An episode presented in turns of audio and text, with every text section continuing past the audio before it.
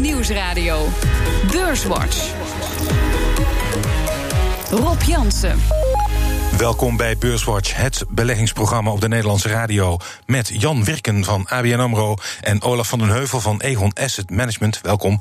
Um, je zou verwachten, goed nieuws over de handelsoorlog zal de beurzen goed doen. Midden oktober worden de onderhandelingen hervat. Um, als je nou kijkt naar het Damrak, de weekstand is ongeveer gelijk aan vandaag, nauwelijks beweging. Um, wat verwachten jullie voor de komende weken, Olaf? Wat denk je dat het rustig blijft of meer volatiliteit? Ik, ik, denk dat het uh, wat rustiger blijft. De, dus vergeleken met de tweede helft van het eerste, eerste jaar dat we hadden, waar heel veel flare-ups kwamen. Ik denk dat het nu wat rustiger blijft en dat Trump veel meer zijn pijlen gaat richten op de vet en haar beleid. Wat denk jij, Jan? Ik denk ook dat het op dit uh, terrein wat rustiger blijft. Uh, de, Trump heeft het op dit, dit moment uh, druk met, geloof ik, andere zaken. Ja. Dus ik denk dat we tot nou, 10 oktober gaan ze weer praten. tot die tijd is het redelijk rustig.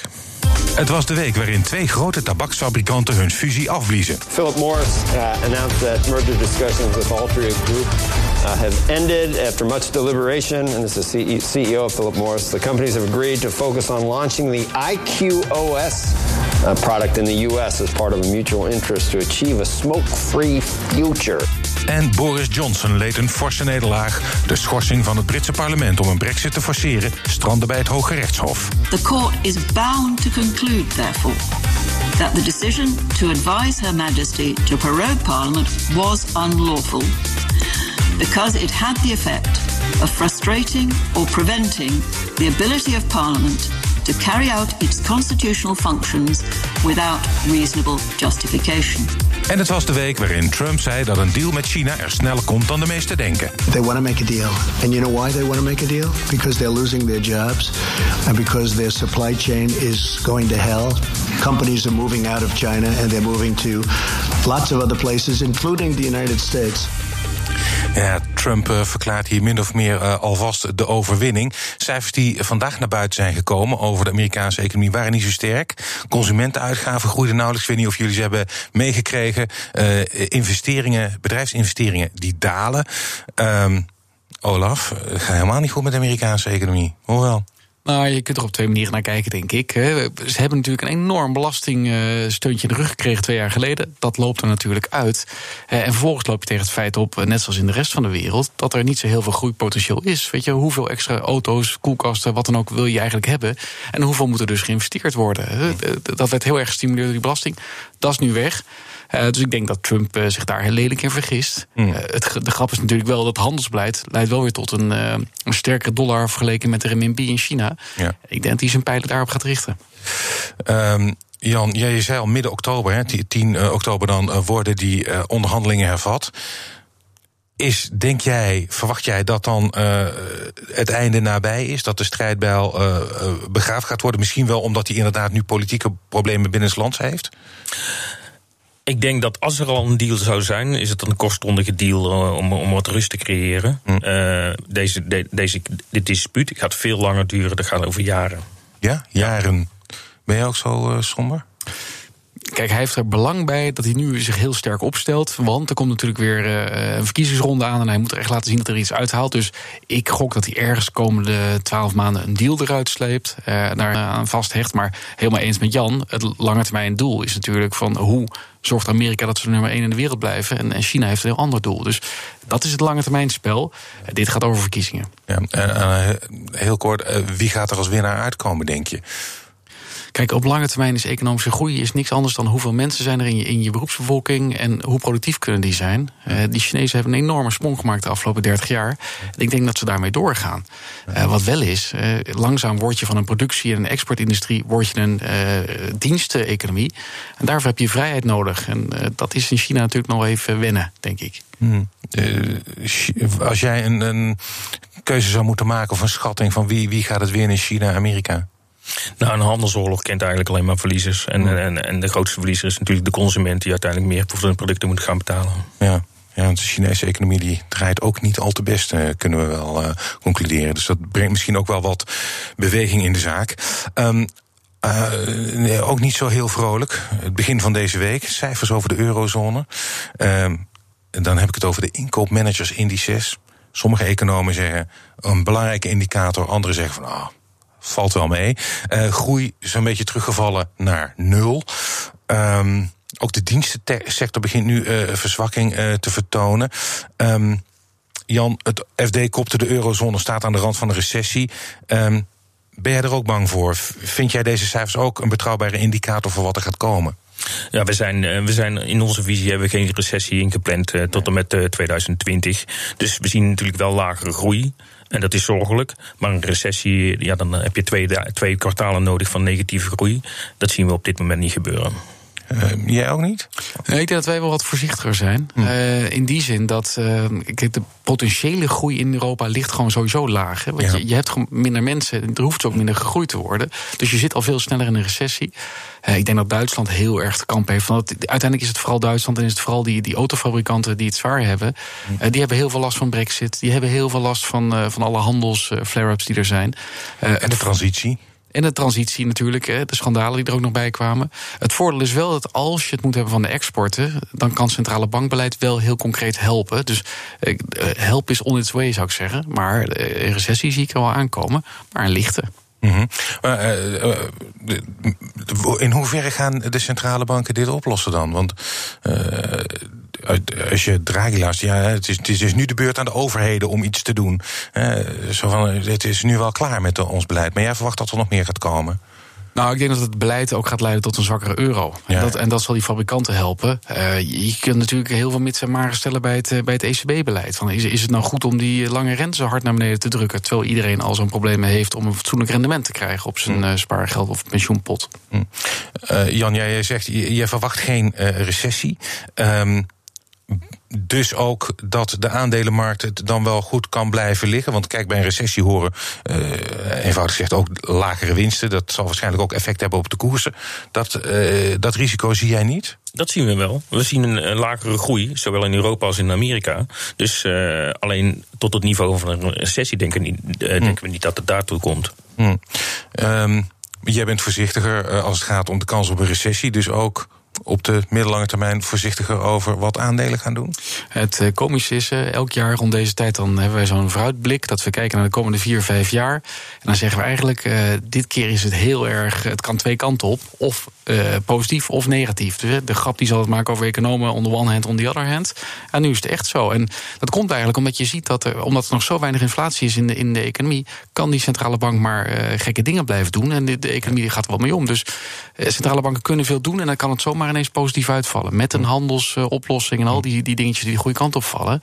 Eh, de kans dat het de andere kant op gaat, is natuurlijk net zo groot. Want het handelsconflict kan zo ook maar ontploffen. Brexit is pijnlijk. Dus het is een beetje two-handed. Uh, als ik puur kijk naar Duitsland, dan denk ik dat die technische recessie, dat zit er wel in. Ja. Uh, op korte termijn ook al. Uh, ik moet, moet er ook al denken. Uh, zeer recent heeft de Economist een recessie voor 2020 voorspeld. Maar daarbij eerlijk ook aangegeven dat ze dat de afgelopen drie jaar ook al hebben gedaan. Ja. is dus ook niet gekomen. Dus we zullen het zien. Um, we gaan. We gaan zo verder. Dan praten we onder andere over de recente ontwikkelingen bij ABN Amro. BNR Nieuwsradio. BNR Beurswatch. We bespreken de belangrijkste beursontwikkelingen van deze week. En dat doe ik met Jan Wirken van ABN AMRO en Olaf van den Heuvel van Egon Asset Management. Eerst maken we even de balans op van afgelopen week. Die AEX sloot vandaag op 578,3 punten. is 0,2% hoger dan vorige week. Stijgers. Op 1. Wolters Kluwer won deze week 3% Op 2 concurrent Relax met ook een plus van 3% En op 3 Unilever met een plus van 2,3% En het midcap aandeel dat het best presteerde deze week was Altis Europe met een plus van 7,7 procent. Dalers. Dalers. Dalers. Op 1 ABN AMRO met een min van 13,7 procent. Op 2 ArcelorMittal met een min van 5,9 procent. En op 3 Philips verloor deze week 5 procent. En in de midcap was de grootste daler, uh, net als vorige week, Fugro. Dit keer met een min van 10,6 procent. De is deze week drie van de vijf handelsdagen hoger gesloten. Ja, we moeten het natuurlijk over de grootste dalen hebben. Uh, ABN AMRO. Jan, ik begrijp dat jij daar uh, vanuit jouw positie niks over kan zeggen. Dus ik richt mij in dit geval tot Olaf. Um, ja, de bank is verdacht in een onderzoek naar witwaspraktijken. Daar zou niet voldoende zicht op zijn. Ze had ook tijdiger afscheid genomen moeten nemen van dubieuze klanten. Dat heeft ING ruim een jaar geleden een soort gelijke zaak. 775 miljoen euro boete gekost. Um, Olaf, ja, die koers ging dus, uh, gaat nu van ABN AMRO hard onderuit. Vrees jij ook een megaboete in dit geval? Nou ja, dat lijkt er wel op. Hè? Kijk, de, de bank is denk ik toch een beetje overvallen. Ze waren druk bezig om allerlei maatregelen te implementeren. Uh, en ineens komt er dan uh, dit als een beetje een uh, donderslag bij heldere hemel. de boetes voor ABN voor ING waren ook al on-Hollands groot, zou ik willen zeggen. Dus die angst zit er heel duidelijk in. Ja. Dan denk ik wel dat toen de tijd ING wat meer voorzieningen had genomen dan ABN AMRO nu. Dus als dat een, een, een iets van een maatstaf is, dan, dan is dat geruststellend. Ja, ja. Laten we dan hopen dat ze het goed hebben ingeschat. De koers is nu flink afgekomen. Zou je dan ook kunnen zeggen van nou misschien wel een instapmoment. Of zeg je van nou, banken in het algemeen of eh, bankenverzekeraars hebben het moeilijk. Daar zou ik, die zou ik laten liggen. Nou, oké, banken hebben het moeilijk. Maar ik denk wel dat uh, als je naar de ECB-maatregelen keek, dan was het toch al wat minder moeizaam voor ze. Uh, je kunt verwachten dat er nu toch wat meer uh, stimulering de economie wordt ingepompt. Omdat die recessie waar we het net over hadden eraan komt. Dus wat dat betreft. En banken zijn natuurlijk best wel aantrekkelijk geprijsd. Dus wat dat betreft zou je het kunnen doen. Ik zou hier denk ik toch even wachten. omdat het zo plotsklaps komt en, en meteen via het Openbaar Ministerie. Ja, even afwachten hoe dit gaat aflopen. Um, als je kijkt, oh, overigens nog even over dit uh, soort zaken het, gaat wel met enorm veel uh, kosten gepaard, ook om het op te lossen. Hè? Want je, ik geloof dat ABN AMRO hm, duizend man of zo heeft aangenomen, uh, al, al in het verleden. ING ook heel veel mensen. Het, wordt, het lijkt wel een hele aparte nieuwe tak te worden om, uh, om dit soort problemen op te lossen. Ja, nee, zeker. En overal. Hè? Ja, ik, ik zat er zelf aan te denken van, heb je zoveel kosten gemaakt om al die kantoren te sluiten en, en heel veel mensen die een baan verloren daarbij. Ja. En nu neem je weer mensen aan eigenlijk om juist die transacties allemaal te gaan bekijken. Dus je, ja. je, je kunt je afvragen van, hé, hey, wat is er aan de hand. Hm. maar uiterst pijnlijk, ja. ja. Um, en uh, iets anders uh, gaan we ook naar uh, het buitenland. AB InBev, Belgisch-Braziliaanse bierreus, grootste ter wereld, brengt zijn Aziatische dochter voor een deel naar de beurs. Dat gaat waarschijnlijk 5 miljard dollar opleveren. Een paar maanden geleden hoopten ze nog op 10 miljard dollar. Ehm, AB InBev moet een schuld aflossen, Jan, van rond de 100 miljard dollar, omdat ze eh, Sap Miller destijds hebben overgenomen. Komt dat nu in gevaar? Is dit een grote tegenvaller, wat jou betreft? Nou, wat er tegenvalt aan, de, aan deze transactie is dat het aan de onderkant van de range is. Hmm. Uh, ze hadden die eerste, eerdere beursgang al een beetje uitgesteld, omdat de appetijt was niet zo eh, heel hoog. Hmm. Uh, maak ons niet zo erg zorgen over AB InBev. Uh, dat komt met name omdat ze dus langzaamaan, hè, ze hebben een aantal jaren genomen om die schuld af te lossen. Ja. En we denken ook wel, ze hebben een goede cashflow, dat het ook wel gaat lukken. Ja. Ben je ook gerust wat dat betreft? Olaf? Ja, ik heb vanmiddag daar de analist bij ons over gesproken. En die gaf ook aan van, weet je, je moet gewoon kijken waar ze naartoe gaan. Dat, dan gaat het gewoon goed. Het is een groot bedrijf met een sterke cashflow. Dat helpt. Uh, als ze de convenanten weer van 4 naar 3 naar 2 krijgen, kunnen ze ook weer dividenden gaan uitkeren. Ja. Dan gaan ze ongetwijfeld binnenkort weer, uh, weer flink groeien. Um, dus ja, het is de ja. noodzakelijke stap om te zetten. Ja. Ik moet zeggen, het zit ook in de portefeuille van mijn rubriek Jansen Belegd. En ik moet zeggen, AB InBev uh, doet het ook uitstekend. als, we het, als ik het over bier heb, leg ik mijn gasten altijd de vraag voor: als je kijkt naar het aandeel Heineken of AB InBev, Jan, wat heeft jouw voorkeur? Ja, ik ben geen uh, brewery specialist, maar uh, ik vind Heineken wel een mooi aandeel. Wat zou jij kiezen, Olaf? Ik vind het een hele lastige vraag. vraag. Ja, precies. Um, ja, ik zou ook Heineken kiezen. Oké. Okay. Um, uh, eens even kijken, we hebben nog meer nieuws uiteraard. En uh, niet alleen van de grote bedrijven, maar ook van midkapper TomTom. Die hield deze week een dag voor beleggers. En daar werd het gehoor voorgehouden dat TomTom zich prima staande kan houden naast de grote concurrenten Heer en Google. Die maken ook locatiesoftware, zoals dat uh, tegenwoordig heet. Want die kastjes, die, die kopen we allemaal niet meer. Het gaat om de software.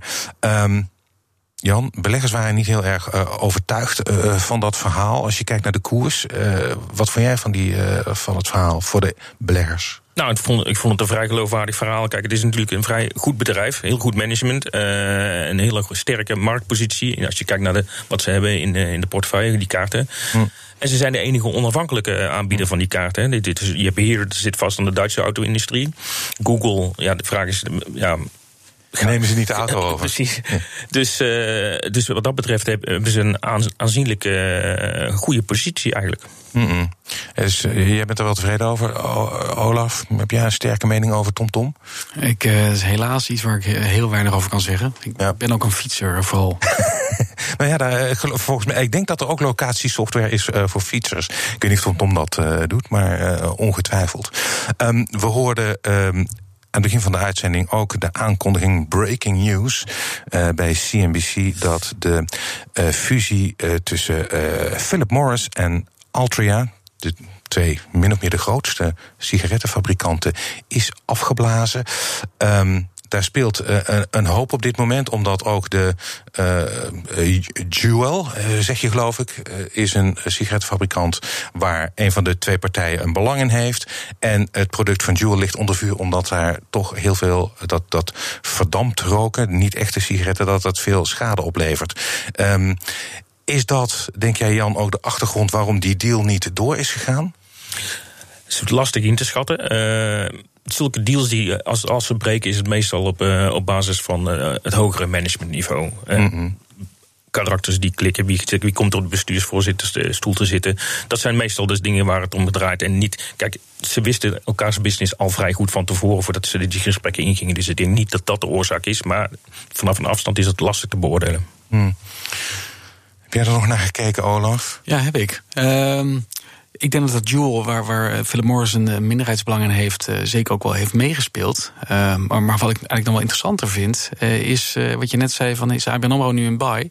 Philip Morris misschien wel, hè? want die cashflows zijn nog steeds hartstikke sterk. Je krijgt een 8,5% dividend nu.